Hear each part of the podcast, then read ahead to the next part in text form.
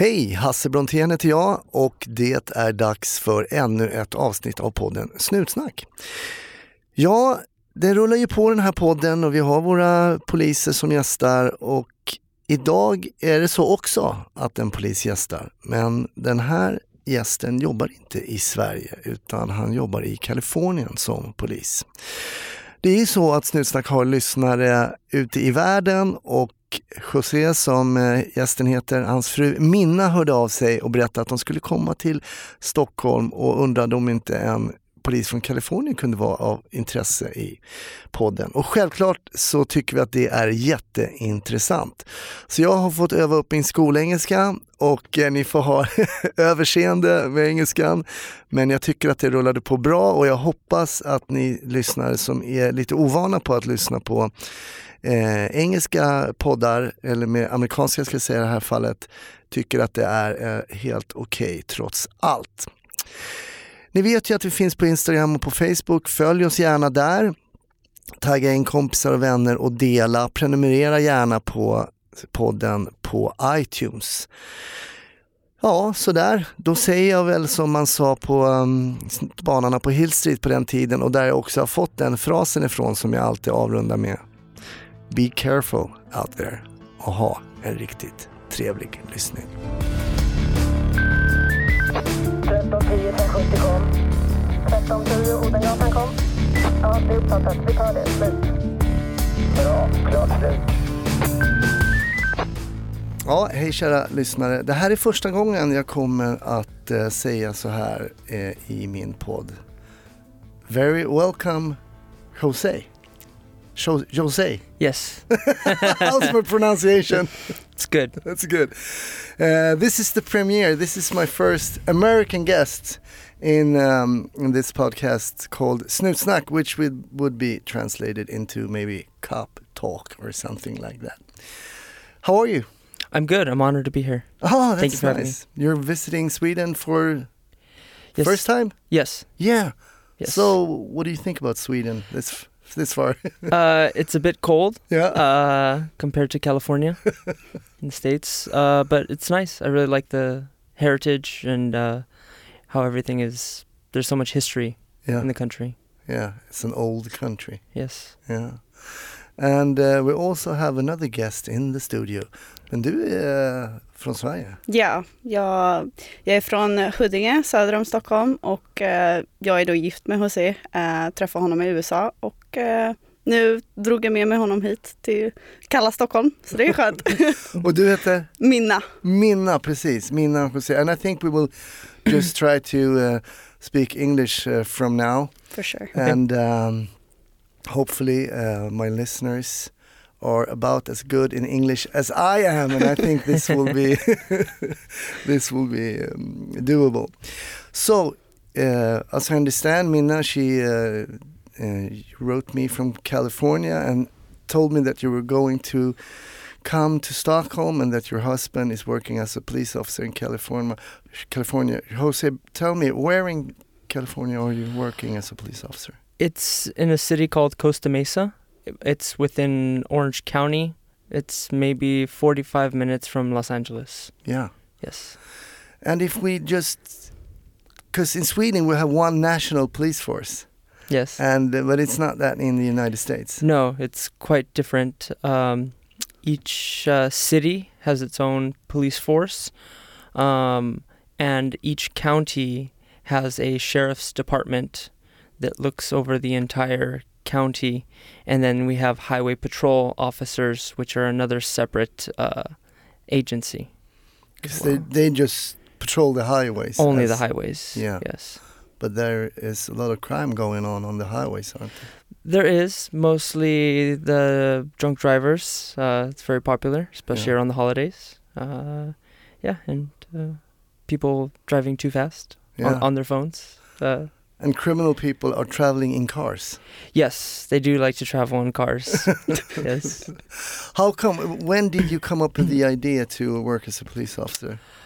Um, I would say in about uh, high school, I realized there was something that I was very interested in. I've never wanted to work behind a desk. Mm. Uh, I like being outside, and I also enjoy helping others. And uh, the area where I grew up uh, is a very rural, uh, agricultural town, but with lots of law enforcement uh, in that area. Um, and it always seemed a very admirable career. Was that a safe area where you grew up?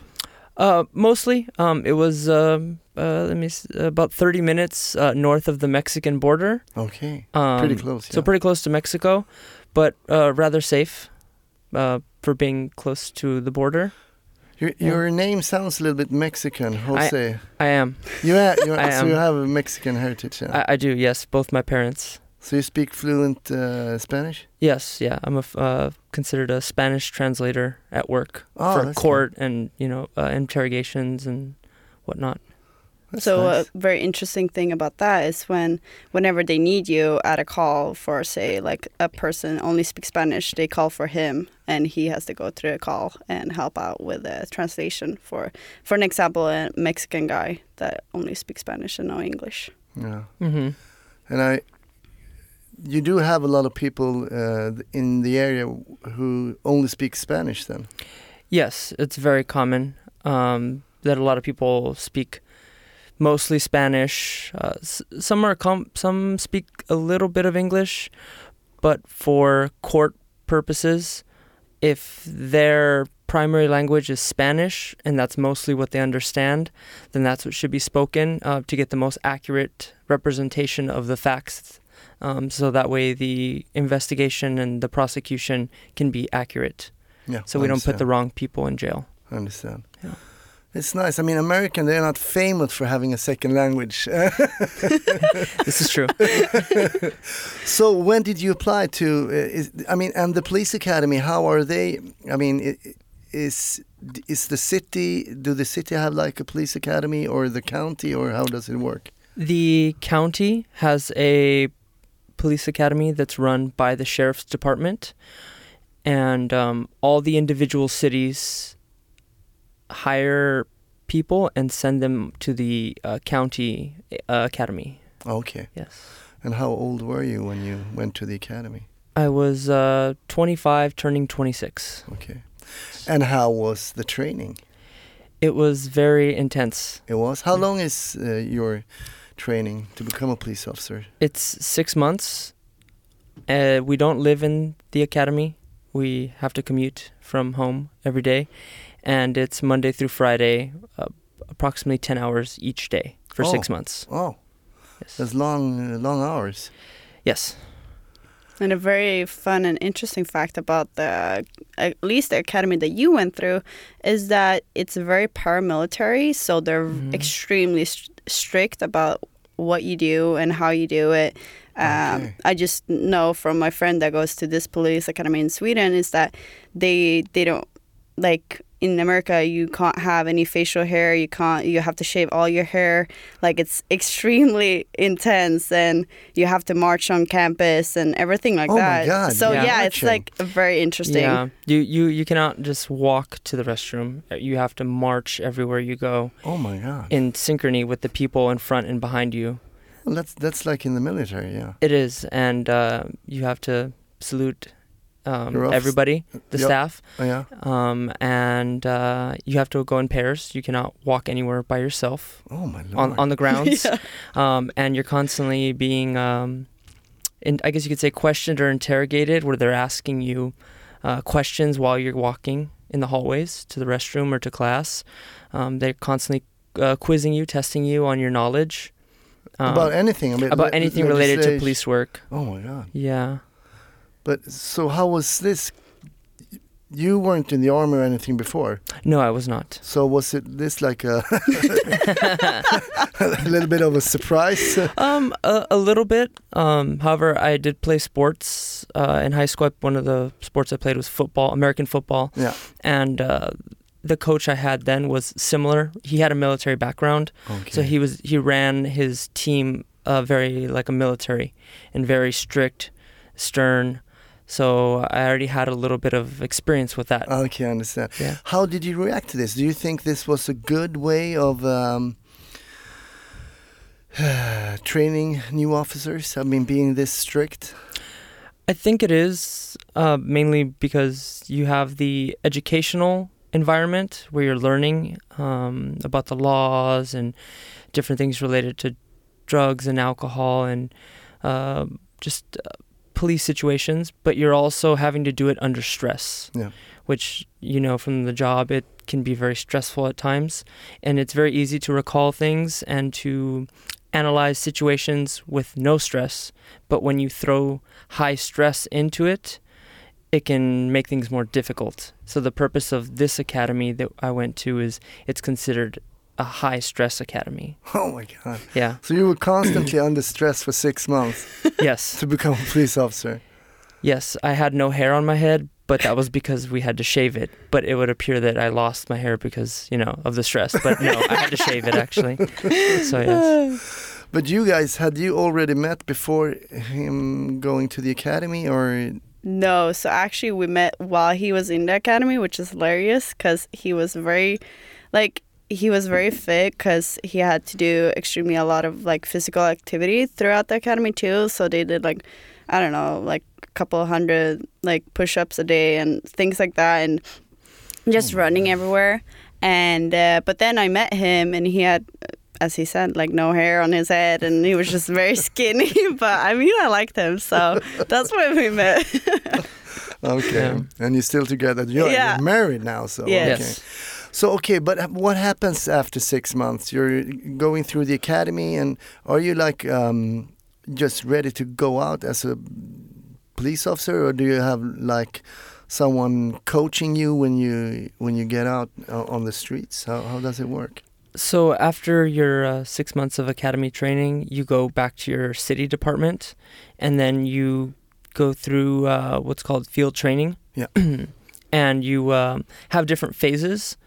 Uh, so there's phase one, which is more learning the layout uh, of the city, all the different locations, um, how to use the radio, how to use the computer in the car, um, how to do. So that's not taught at the academy. It it is, however, there are certain very specific details that the academy does not cover because each department has slightly different policies Okay. and different equipment. Okay. So it would be very hard for them to teach each style um, to every department in the academy because there's probably close to a dozen different um, city police departments in the same academy.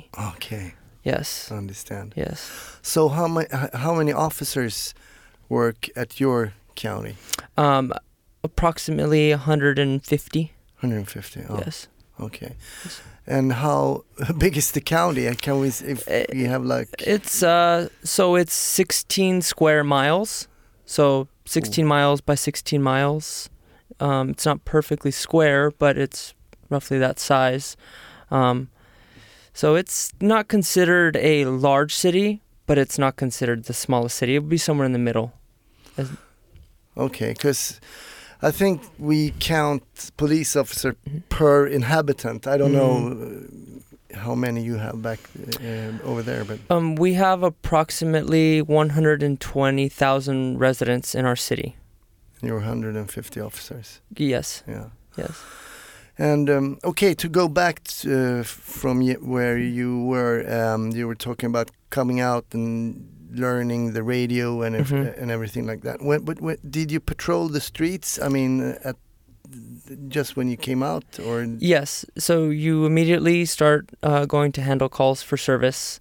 Um, however, you have the training officer with you who is analyzing how you're doing the job, Yeah. um, grading you, but then also ensuring that you're doing everything safely um, while you're learning at the same time. is he as strict as?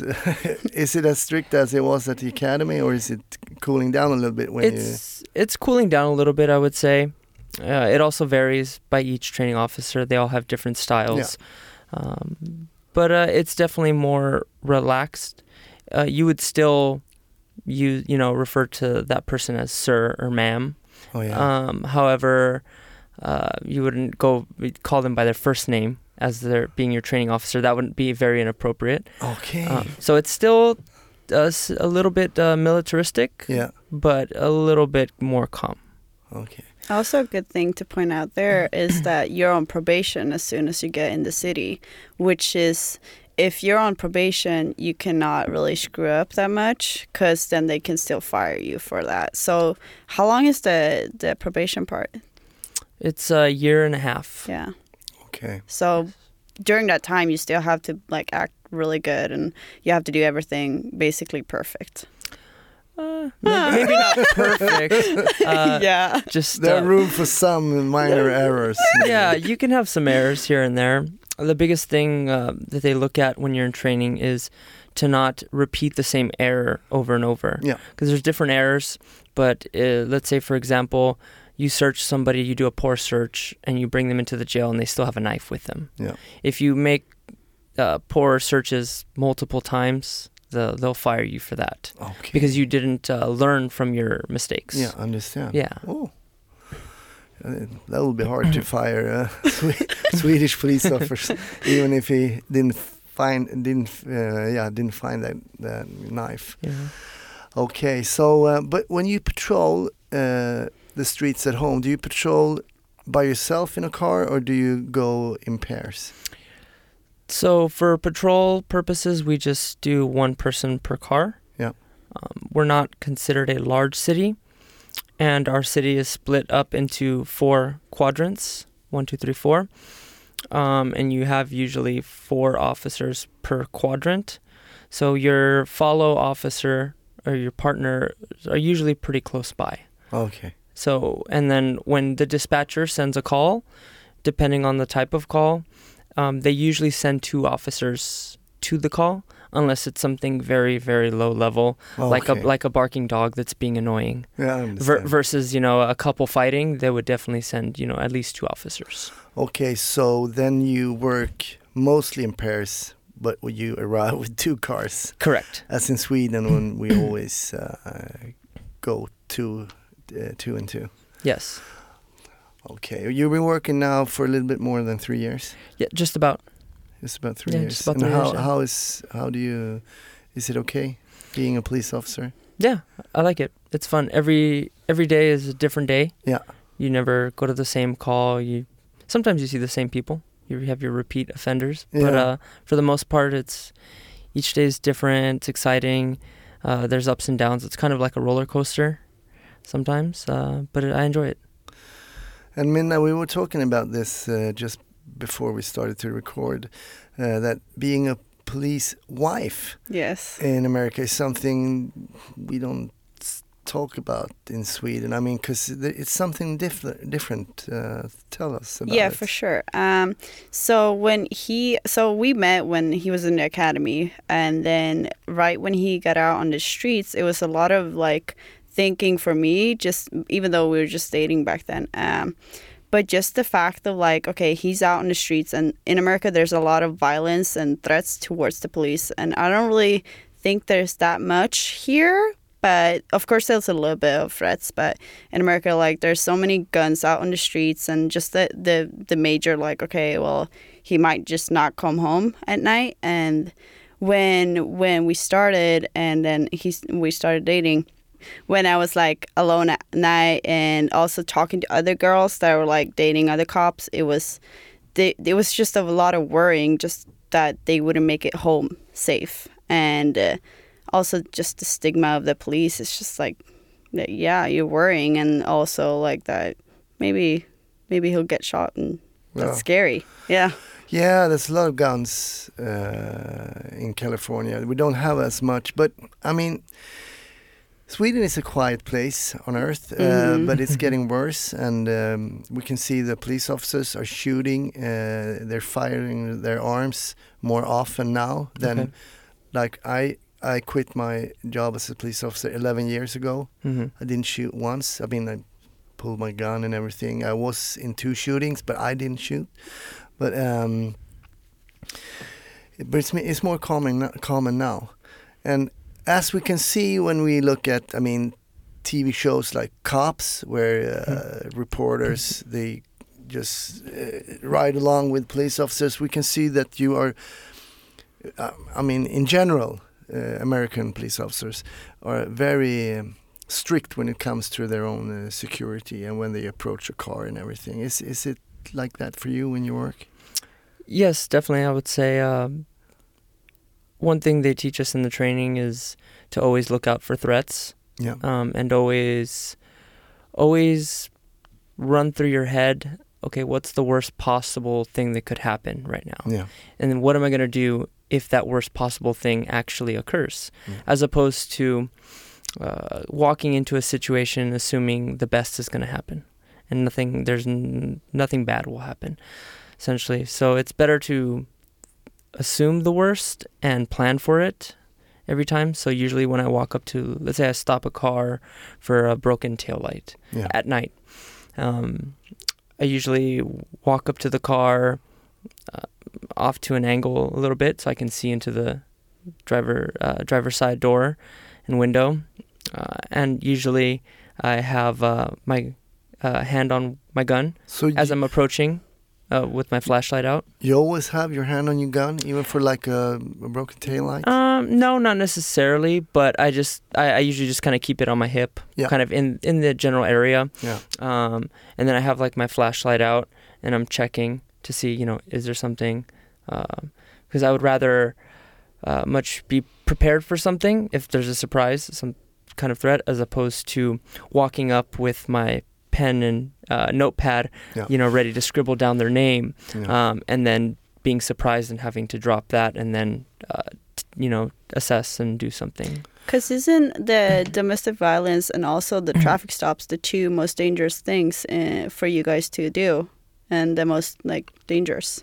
yeah i would say uh, traffic stops and uh, domestic violence calls are probably where most officers um, get shot at or stabbed or end up you know uh, being killed in america at least. Så där innan vi lyssnar vidare på Jose och hans eh, berättelse kring att jobba som polis i Kalifornien. Så såklart en push för livepodden som är den första april på Skala teatern i Stockholm. Ja, hur är det att spela polis utan att vara polis? Jag tycker ju personligen att om du kikar in på Snutsnats Instagram så ser vi ju Eddie Murphy när han spelar sin roll i 48 timmar. Där spelar han ju polis fast han inte är polis och gör det på ett fantastiskt sätt. Eh, Eva Röse och Micke Tornving ska få berätta hur det är att spela polis utan att vara det. Det och många andra intressanta berättelser tror jag vi kommer få höra den här kvällen. Livepodden den 1 april. Gå in på snutsnack.se, läs mer där och glöm inte, köp en biljett också. Så ses vi den 1 april. Hej! When you came out and you pulled your first uh, pulled the car over and it was the first time. How how was that for you? I mean did you feel like i remember when i someone just stole something i get my uh, i just felt my pulse was Yeah. going up and everything. How was it for you? I mean like the first stops and everything.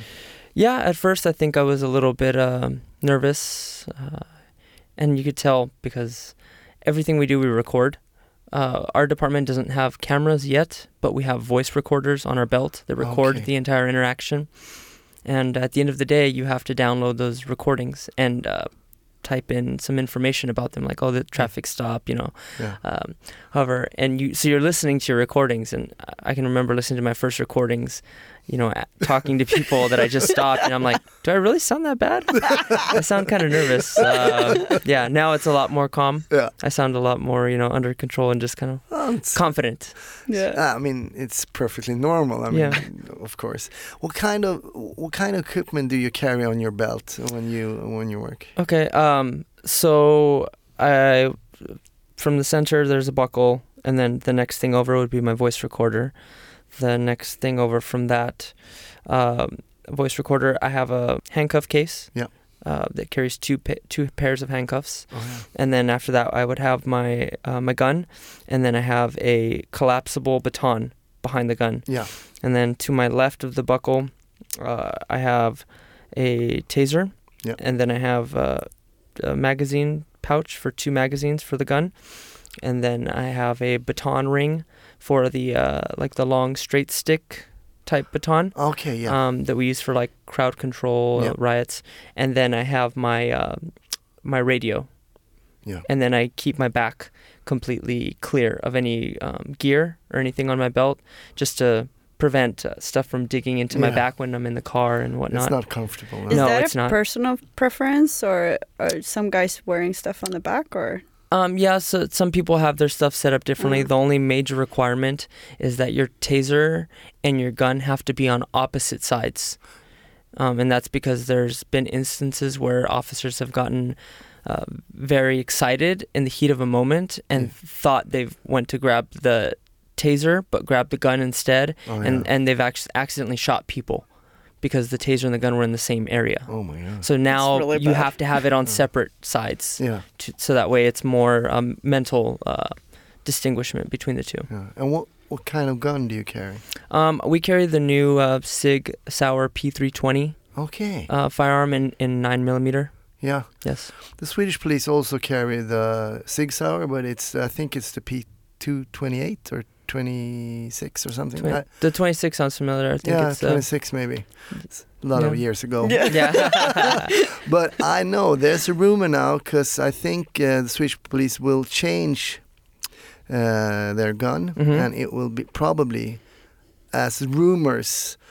Uh, Mm. I- I've only heard rumors, so uh, it will probably be the Glock. the Glock. Okay. Mm. Yeah, That's. I feel like most people are going to the Glock. yeah. Um, we maybe two years ago we used to carry the HK, okay, the US USP 40, which internationally HK is that's Heckler very and yeah, Koch. Heckler and Koch is very popular. yeah. Um, but for some reason our officers didn't care for it too much. Okay, But so now uh, we're using the Sig Sauer. But You- the Glock is very popular too. Yeah. You also have um, what kind of guns do you have in your car? Because those are you have some extra ones in there. Uh, yes, we have a shotgun in the car, and then I have my own patrol rifle as well in the vehicle. okay. Yes. So what's the difference between a patrol rifle and the, the shotgun? In Uh, the shotgun would be uh, it's a Remington 870. Uh, it's a 12 gauge shotgun that has a, a tube, a feeding tube of four rounds, Okay. four shotgun shells, and then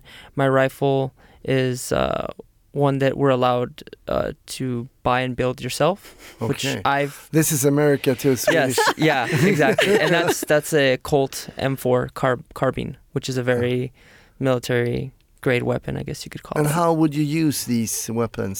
Can you give me just Yeah. a couple of examples? Um, the rifle you would definitely use on something. Um, you would take out to a situation, maybe uh, like a hostage type situation, uh, active shooter, um, or any. Maybe you're uh, clearing a building. You're doing a search of a building that's very large, maybe a big, huge warehouse. Um, you know, your handgun obviously has a effective range Yeah. of you know a certain amount of uh, uh, feet or meters, whereas you know the rifle is way beyond that. Um, so it just depends whenever it's appropriate. But if we go into maybe a small house or apartment and we think someone's dangerous in there, we're probably not going to take a big bulky rifle or shotgun because that's going to yeah, prevent us from being able to move around yeah, smoothly at Yeah. least. So, and the shotgun, it's it it has a it's similar to the uh, rifle. Um, however, it has uh, the slugs, the the rifled slugs, Yeah. the, the the solid lead core, or, or the buckshot where it spreads out. yeah. So I mean, uh, they're both effective. Um, it just depends on the si- situation you may. But how do you store these guns? I mean, if you go into, uh, say, you were talking about a bar- Uh-huh. barking dog before. I Yeah. mean, are the guns still in your car?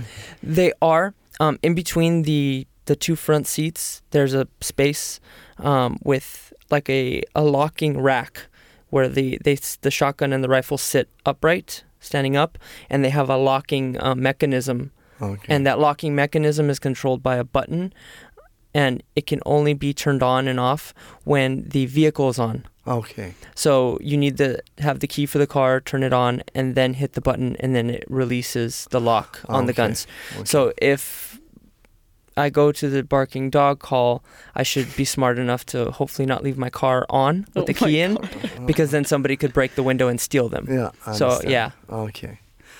Uh, as I told you also before we started to record, I went to uh, uh, and participated in a course back in '94. Um, um, uh, I went to LAPD because they had a course called um, uh, Drug Recognition Expert Program. Hmm and that was um, and I don't know how the legislation in California is right now, but back then it, was illegal to to be uh, let's say uh, let's see if I remember this correctly to be under the influence, not to consume. As in Sweden, it's illegal to consume hmm drugs, and we only have we can if we take a urine sample, we can say oh you consume amphetamine and and uh, cannabis because we can see it in your Mhm. urine. hmm But as I remember, you guys had to prove that people were under the influence. As we can see, maybe walk the line and everything. They can and they Correct. can't put the finger to their nose or and everything.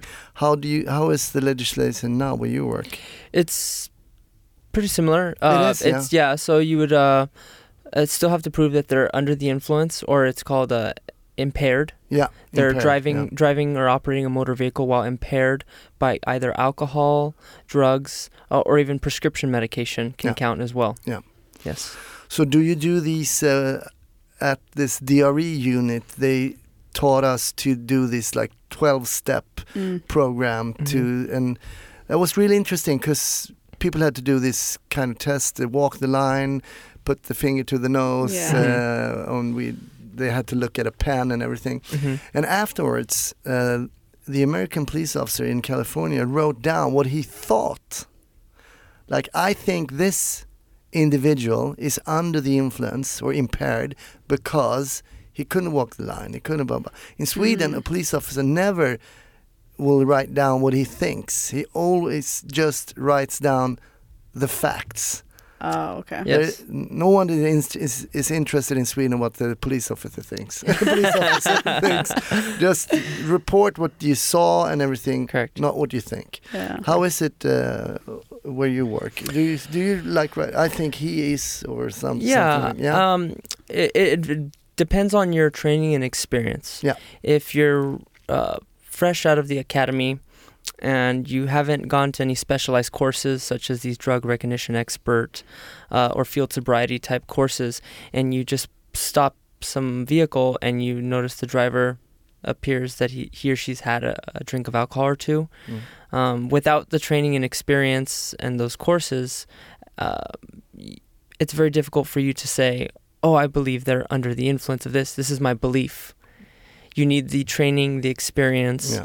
and all these uh, certificates to be able to make an assumption Yeah. and really uh, voice your belief. Mm. Without that training and experience, your belief is really n- means nothing. I understand. Yeah. yeah. Because it's really interesting. Because I mean, we get trained from when we're really, I mean, young to see. I mean, to detect that someone is under the influence of, for example, alcohol. Mhm. It's uh, we know that because we, we saw Yeah. we've seen people, but Mhm. it's and some substances are more easy to detect than uh, than others. Yes. But you- Alcohol is easy. But you do uh, you have to do like a couple a lot of them for like a lot of the tests just to like det- detect if they're either under the influence of alcohol or or like any like amphetamine or anything like that like maybe that's interesting to see like cuz you have a couple of like the the learning of that correct Yes, I've been sent to several courses regarding uh, like the drug recognition expert training and then the uh, field sobriety testing and all these things. So, yeah, you have to do multiple tests, um, not just one test. And then there's even a um, certain rules and requirements of how you conduct the test. Yeah. Because then when it goes uh, to court, um, you have to be able to testify as to how you did these tests and why you arrested this person. Yeah. Um, so you have to be pretty spot on. You can't just uh, wing it or guess. I understand. No, yeah, I think you're you're definitely more strict over there because you have to do it in a certain way and you have to stop people Correct. in a certain way. Mhm.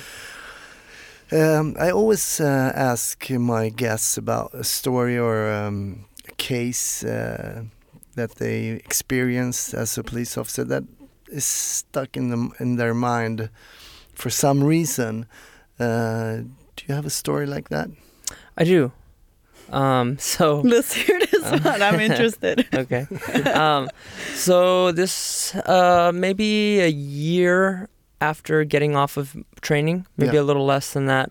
Um, I was working the night shift, which we would get off every morning, uh, the following morning at about 7:30 in the morning. Yeah. Um, and for some reason, uh, all my partners and everybody got to the station a little early, uh, maybe about seven in the morning, and they had already taken all their equipment out of their vehicles and started putting everything away, and were just getting ready to go home.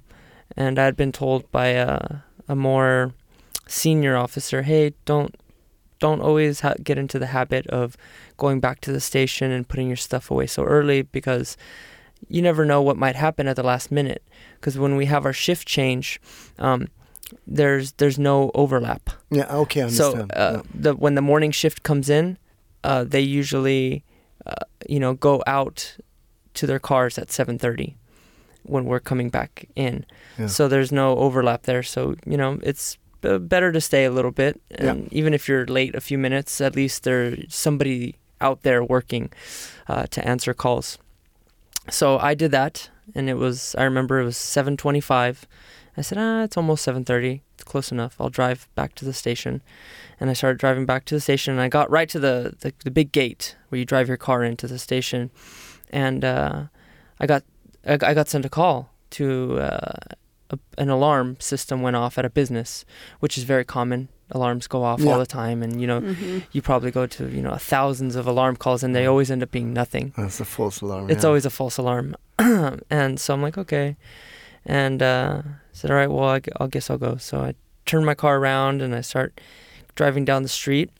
And um, then a neighbor of the business alarm uh, called and said, hey, um, it appears that there's two men uh, with like hooded sweaters inside the business Okay. um, and it doesn't look like it's open.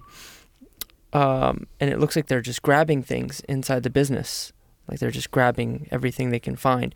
So it's very odd. Um, and then the owner of that business, it was a um, like a gold and coin store. So they had like uh, collectible and valuable types of just money, coin, rare coins, rare you know p- little artifacts and whatnot. And um he uh, he had cameras inside, and he got a notification on his phone saying, "Hey, there's activity in your store on your cameras." So he looked and saw, and he called us, uh, our dispatcher, and said, "Hey, there's somebody robbing my business." Mhm. Uh, you know, this isn't a false alarm. So I'm getting this information sent to my computer as I'm driving to this business. And all my partners are already putting their stuff away and probably turning off their radios. So you're maybe alone. Yes. Um, essentially, yes. Uh, so I I tell my uh, dispatcher, I said, hey, I'm I'm upgrading my um, response to emergency, which is where we turn all the lights and sirens on, and you know you roll. Uh, it's called code three in America. I don't know what it's called here, but you know all the all the bells and whistles, very loud, Yeah. uh, very fast.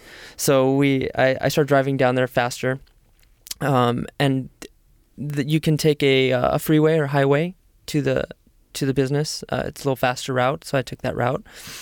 And as I'm uh, pulling off the freeway uh, to ma- to make the turn to go to the business, the dispatcher tells me, "Hey, the vehicle has driven off with the suspects, um, and this is the vehicle description, and it has a uh, a paper like a dealer license plate on the back. It doesn't have an actual license plate with numbers." Okay. So, which thieves usually put, you know, false Yeah. Yeah. plates on their cars, Yeah, so, you know, understand. so they can't be found later. So, so okay, and uh, I see a vehicle that matches that description of the suspect vehicle uh, at the light, and we're pretty much, you know, perpendicular at the light at the four-way You're intersection. kind of So facing they each other, s- right? They see you also. Yes. Um, and as I look in, I see two subjects that match the, you know, the um, the suspects that were seen in the building, and their their seats are both reclined as far back as they can almost go. So it almost looks like they're, you know, hiding, really, really leaning back far. Yeah. So I'm, I'm assuming I'm like, okay, this is very suspicious. So the vehicle, they get the light and they make the left turn and they start to pass me and they're leaned back, you know, trying to avoid eye contact with me. And as the vehicle passes me, I'm able to see that it has a paper plate. Okay. So I'm like, okay, this has to be the car. So I do a little quick illegal U-turn, with my lights and sirens, so it's not illegal anymore. and uh, Just need to clarify that. yes, and uh, as soon as I get behind the vehicle, it immediately accelerates. Okay. It, it just takes off on me, and then we go into a pursuit on the on the highway. Um, so it's about 7:30 in the morning, and I'm in pursuit of this car by myself. And um, first thing I ask is, "Hey, do we have a helicopter that can come help?" Because that's very very helpful Yeah. when they can track the car. Because uh, I don't know how it works here, but usually when a helicopter's over above, um, they are the ones calling the pursuit, the direction, um, the street change, everything. Yeah. So I call and they said, nope, there's not one available. And I'm like, great, thanks. So then my other partners start realizing, like, oh man, because this, from the time the call came out to the point that I'm in pursuit with this car was less than like four minutes. Okay. So it's very quick. yeah. So they're they're realizing what's happening and they're starting to, you know, fly that way towards me, and uh, I'm chasing this car, and uh, you know, it we were we uh, we're in one person per car, so I'm having to drive with one hand and then talk on the radio with the other. Yeah. So and I'm having to put out, you know, the direct direction of travel, speeds, traffic condition, any violations the car is committing, um, and uh, you know where we're going. And uh, so I'm doing this, and we're driving about uh, towards the end of the pursuit. Uh, I got up maybe 150 miles an hour, Oh, that's a lot. which is pretty fast. Yeah. With driving with one hand on the radio and the and other that's hand on the not wheel. 150 kilometers. No. No. Because it's, it's a lot more. I think that's like about 200? 200. Yeah. Yeah. Like 220 maybe even. Yeah, 200 that's kilom- really fast. yeah. What kind of car do you drive? A uh, Ford Explorer. Of Yeah. course, a Ford. Yeah, I know. right? I know. Yeah, we have no Volvos in uh, in California. Uh, Um, so yeah, and then we're driving, and I believe their vehicle couldn't go any faster because most vehicles have like a governor that reduces the speed. So they, I stay on their tail. They stop on the freeway. Okay. They s- they slow down to a stop. I almost rear-ended them because I didn't expect them to stop. And um, the freeways where we're at, they're about six lanes in each direction, with the center median dividing. So there's 12 total lanes of traffic. yeah, Um, that's they, a lot. and they Very stop. large. They stop on the on the freeway, and I stop behind them, and two very very large men jump out of the car, out of the front seats On uh, each side. on each side. So one on each side, one on the driver's seat, one on the passenger seat. They both jump out, and then uh, they look at me, and I pull my gun out and I point it at them and I tell them to stop, and they both run towards the uh, the side of the road, the embankment. Yeah. Um, they both run out that way, and I proceed to chase them um, for across the freeway um, for maybe 30 meters or so, and then I realize uh, okay, if I keep running on the freeway, I'm probably gonna get hit by a car because cars are, you know, going very fast. You know, probably I don't know, uh, maybe 120 kilometers. Yeah. You know, per hour. So I realized, okay, I need to go back to my car. Uh, so I start telling, you know, the, the other officers on the radio, hey, they ran this way. This is what they look like. Um, you know, start setting up a perimeter to trap them, um, and they start going that way and then other other de- other city departments that were close by started helping too, which is good. That was very helpful. And I, I stayed with the the vehicles on the freeway, and uh, me by myself, I cleared and checked the vehicle to make sure nobody was in it, and uh, there wasn't. It was just full of all the coins and gold and things that they had stolen, Oh yeah. and um they ended up running into a building, um, like a commercial building that was closed, and they broke a window and went inside, and they hid, and then we, we ended up getting uh, police canines there, and they flushed them out of the building, and then they gave up. Um, So you got them. yeah, so we ended up getting them, which is great. Um, so yeah, it was a lot of different m- moving pieces and things going on, and the vehicle, and then it ended up being a stolen vehicle. Um, and you know there was other all kinds of drugs and other things in the car, and then all the stuff they stole and all the tools that they used to commit the, the robbery, Yeah. of course, and uh, all these things, and it was uh, very intense. Yeah. Was that like your first uh, chase? I mean, and all by yourself. How was Yeah. that feeling? I mean, to know that you were on your own actually, because you were on your own, no chopper and nothing. yeah it was uh it was pretty intense um i i felt i felt that i was trained well enough and had done enough like driving training to catch them and stay with the vehicle. Um, but it was nerve wracking um, having to handle radio traffic and chase at the same time because typically when we have a pursuit, we usually have three officers Yeah. um, in the pursuit minimum, and usually the fr- the car in front is the one that chases the car. The second is the one that calls all the radio traffic out, so that way the front the front car can just worry on following and not having to talk on the radio at the same time. So usually that's how we do it, but I had to play both parts, yeah, so a little extra stress there. yeah, yeah. Of But- course. Yeah, it was it was good. It was exciting. My heart rate was definitely very very high. Yeah. And very funny because that morning he texted me. He's like, "Babe, am I on the radio or like on the TV?" And I'm like, "I'm like, why would you be on the news? Like, why would you be on the TV news?" And he's like, "I was just in a pursuit. I'll be home soon." I'm like, "Oh my god, so bad." Is it often that they go on the air? I mean, to if there's a pursuit in the on the highway. Uh, I highway? think so. We don't have cable, so we don't have like the um, like the TV like news. Mm. So, but like I think they show a lot, like The ju- local media. Yeah, exactly. So they have a lot of like reporters everywhere, and like Yeah. especially like anything that happens, they Mhm. kind of report. Yeah, a lot of the reporters have the like those police radios in their car, so Yeah. they listen. Yeah. And when something exciting happens, They go there. they go yeah. there. Yeah.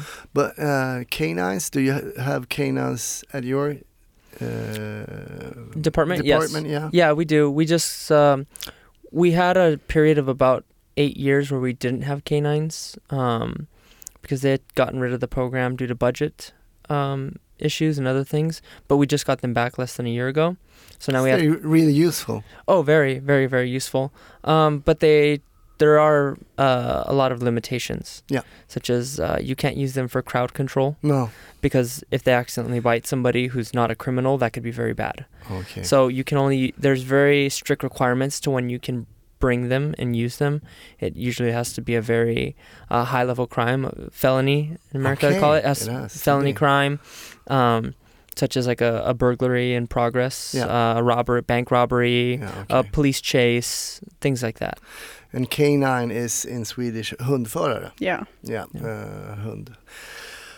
Okay, uh, this is really interesting to talk uh, to a police officer from California. Um, uh, in the end, I always ask my guests about uh, when you go to the movies or you sit at home in, your, in your couch and you're looking uh, at a movie. What do you think about um, cop movies?